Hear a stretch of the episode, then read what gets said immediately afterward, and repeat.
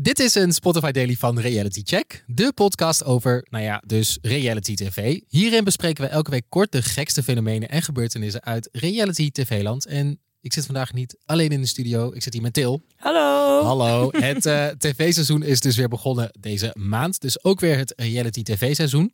Dus het was eigenlijk weer wachten op de allereerste flop. Maar niemand had verwacht dat die al zo snel zou komen. Ik heb het natuurlijk over het nieuwe John de Mol programma Een Jaar van Je Leven. Weer een over de top SBS-format dat flop. Alweer. Toch? Ja. Ik vind, het, eh, ik vind het interessant. Wat gaat er allemaal wel niet om in het hoofd van John de Mol? Nou ja, ik dacht, dikke tip voor John de Mol. Misschien luistert hij onze podcast wel. Ja. Maak een reality tv-programma over je eigen plek, werkplek. er is daar zoveel drama. Maar goed, dit hoor je dus allemaal in deze extra korte aflevering van Reality Check.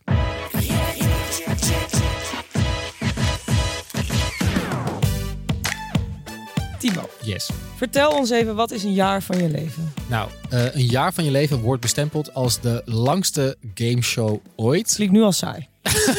Oké, dat met jou denkt heel Nederland dit volgens mij ook.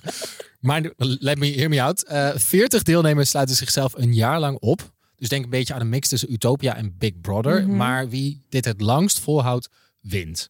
En door middel van challenges worden deelnemers geëlimineerd. Een beetje zoals Squid Game.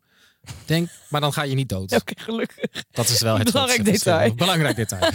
en het prijzengeld is een miljoen euro. Zoals altijd. Zoals altijd bij John de Mol. Je kunt altijd een miljoen. Ik vond het wel grappig dat zijn vorige programma heette een Million Dollar Island. Hoe is dat dollar? Is toch, we, zijn, we wonen toch in Nederland? Because it's such an international man. Oh, oké. Nou, prima. Ik vraag me dan als eerste altijd af van wie doet hier in godsnaam aan mee? Nou, ze hebben weer 40 mensen gevonden die gewoon weer ergens van straat geplukt zijn. Die denken, nou prima, ik laat me wel gebruiken door SPSS. Eh, dat is toch zo? ja. En dan heb je ook weer die, ehm, eh, dat in de eerste aflevering dan ehm, gaan ze naar dat huis toe. Dan nemen ze eerst afscheid van hun familie. En dat vind ik altijd zo... Uitgemolken. Ik vind het heel erg om te zien dat dan bijvoorbeeld iemand, eh, een ouder, zijn of haar kind een jaar alleen laat. Oh, maar het zijn ook echt eh, mensen die kinderen hebben die Ja, daar meedoen. Het is een hele, zeg maar, je hebt eh, Heel jong, divers. oud, die, ja, echt alle achtergronden. Dus dat is, nou, dat is dan wel goed. Maar eh, ja, ik vind het dan een beetje onethisch van programmamakers Ja. dat je zegt, hey, eh, geef even een jaar van je leven op aan ons. En eh, dan kunnen wij eh, jou gebruiken voor ons programma. Oh ja, nee dat, nee, dat vind ik ook niet goed dat ze dat toelaten. Goed, dit is, eh, dit is dus het programma. En dan eh, gaan ze naar dat huis toe. En het grap, ik wil gewoon even één challenge alvast uitleggen. Dan staan ze met z'n veertigen voor het huis. En al hun koffers staan er ook voor. En dan moeten ze een rekensom. Oh nee. Dan moeten ze dus de eerste challenge gaan doen. En dan Mm. moeten ze een rekensom gaan uitrekenen. En degene die dat de laatst lukt, die moet meteen vertrekken. Dus die is überhaupt het huis dan niet Die is het huis niet geweest. Oh, maar het is dan en dan. Oké, en dan vertrek je dus. Dus dan kan je eventueel weer direct terug naar je kinderen. Ja, ja, ja, dus het kan ook zijn dat je binnen een dag weer terug bent. Zoals bij deze vrouw helaas gebeurde. Ja. En het zijn nogal, eh, het, kan je, het zal je misschien niet verbazen, Til, maar eh, de kijkcijfers vallen nogal tegen. Dat is echt de, het understatement van het jaar. Eh, in de eerste weken keken er gemiddeld 210.000 mensen naar. Dat is al best wel laag. En inmiddels zitten de, zijn we ongeveer twee weken verder, heb ik het gevoel. En zitten ze op 96.000 per aflevering, wat echt bizar slecht is. Is het jaar al voorbij? Dus ze gaan het sowieso blijven uitzenden. Volgens mij is dat wel het idee, dat ze toch eh, het hele jaar dat daarvoor Maar ze zijn wel klaar met. Of zijn er op dit moment nog mensen in dat huis? Nee, nee, nee. Want het grappige ook is, is dat je, ze kan, je kan het dit keer ook weer volgen via Videoland op de livestreams. Oh god, vreselijk. Maar hier is dus ook weer niet over nagedacht. En heel veel mensen op Twitter werden daar weer boos over. Is dat de livestream loopt twee weken voor. Zie dit zijn toch simpele, simpele vragen waar je moet altijd op toch- weet. Daar zou iemand bij Talpa moeten denken. Wacht even, we spoileren ons eigen programma online. Is dat gek? Ik weet niet, is dat gek? Hmm, ze kunnen raden wie eruit is gestuurd de volgende opdracht. Maar ik snap het sowieso eigenlijk niet zo heel goed dat ze dan nu een programma hebben gemaakt met dit format. Want dit klinkt mij zeer bekend in de oren, namelijk Big Brother. De Gouden Kooi. Ja, het is een soort van mix van. Ja, En toch ook een beetje Squid Game. Omdat dat zo'n Ja. hit is geweest op Netflix. En dat ze Netflix, dan misschien daar... Netflix is dus nu ook een, een, eh, een echte Squid Game aan het ontwikkelen. Ja, Zonder dan dus dat je doodgaat. Eh, gelukkig. moet het er toch even bij zeggen. Eh, Just to be sure. Dat je toch denkt, hoe kan ik dat nou ook nog incorporeren in reality tv? En het is dus zo bombastisch en groots. Mm. En wat ik denk, wat, wat ik het kutste aan vind, is dat het dus 40 mensen zijn.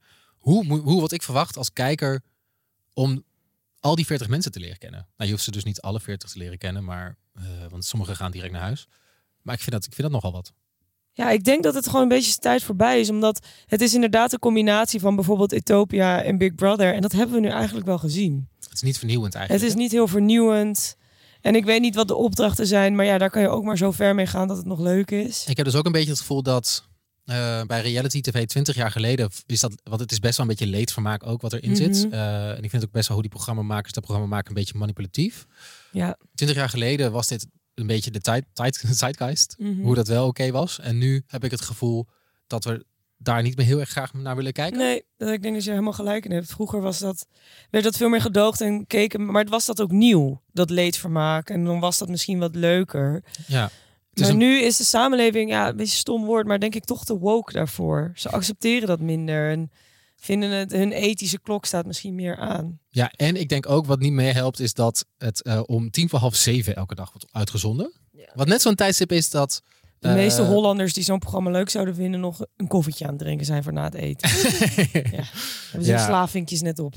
Ja goed, we gaan zien hoe dit gaat. Ik, ben, ik weet niet of ze ooit de stekker eruit gaan trekken als het echt dramatisch gaat lopen. Maar volgens mij is het de bedoeling dat het gewoon doorloopt. Vind jij het nou wel leuk? Laat het ons vooral weten op ons eh, Instagram. Instagram. We zijn te vinden als reality check laagstreepje de podcast. Je net als, eh, zoals wij van betere reality tv.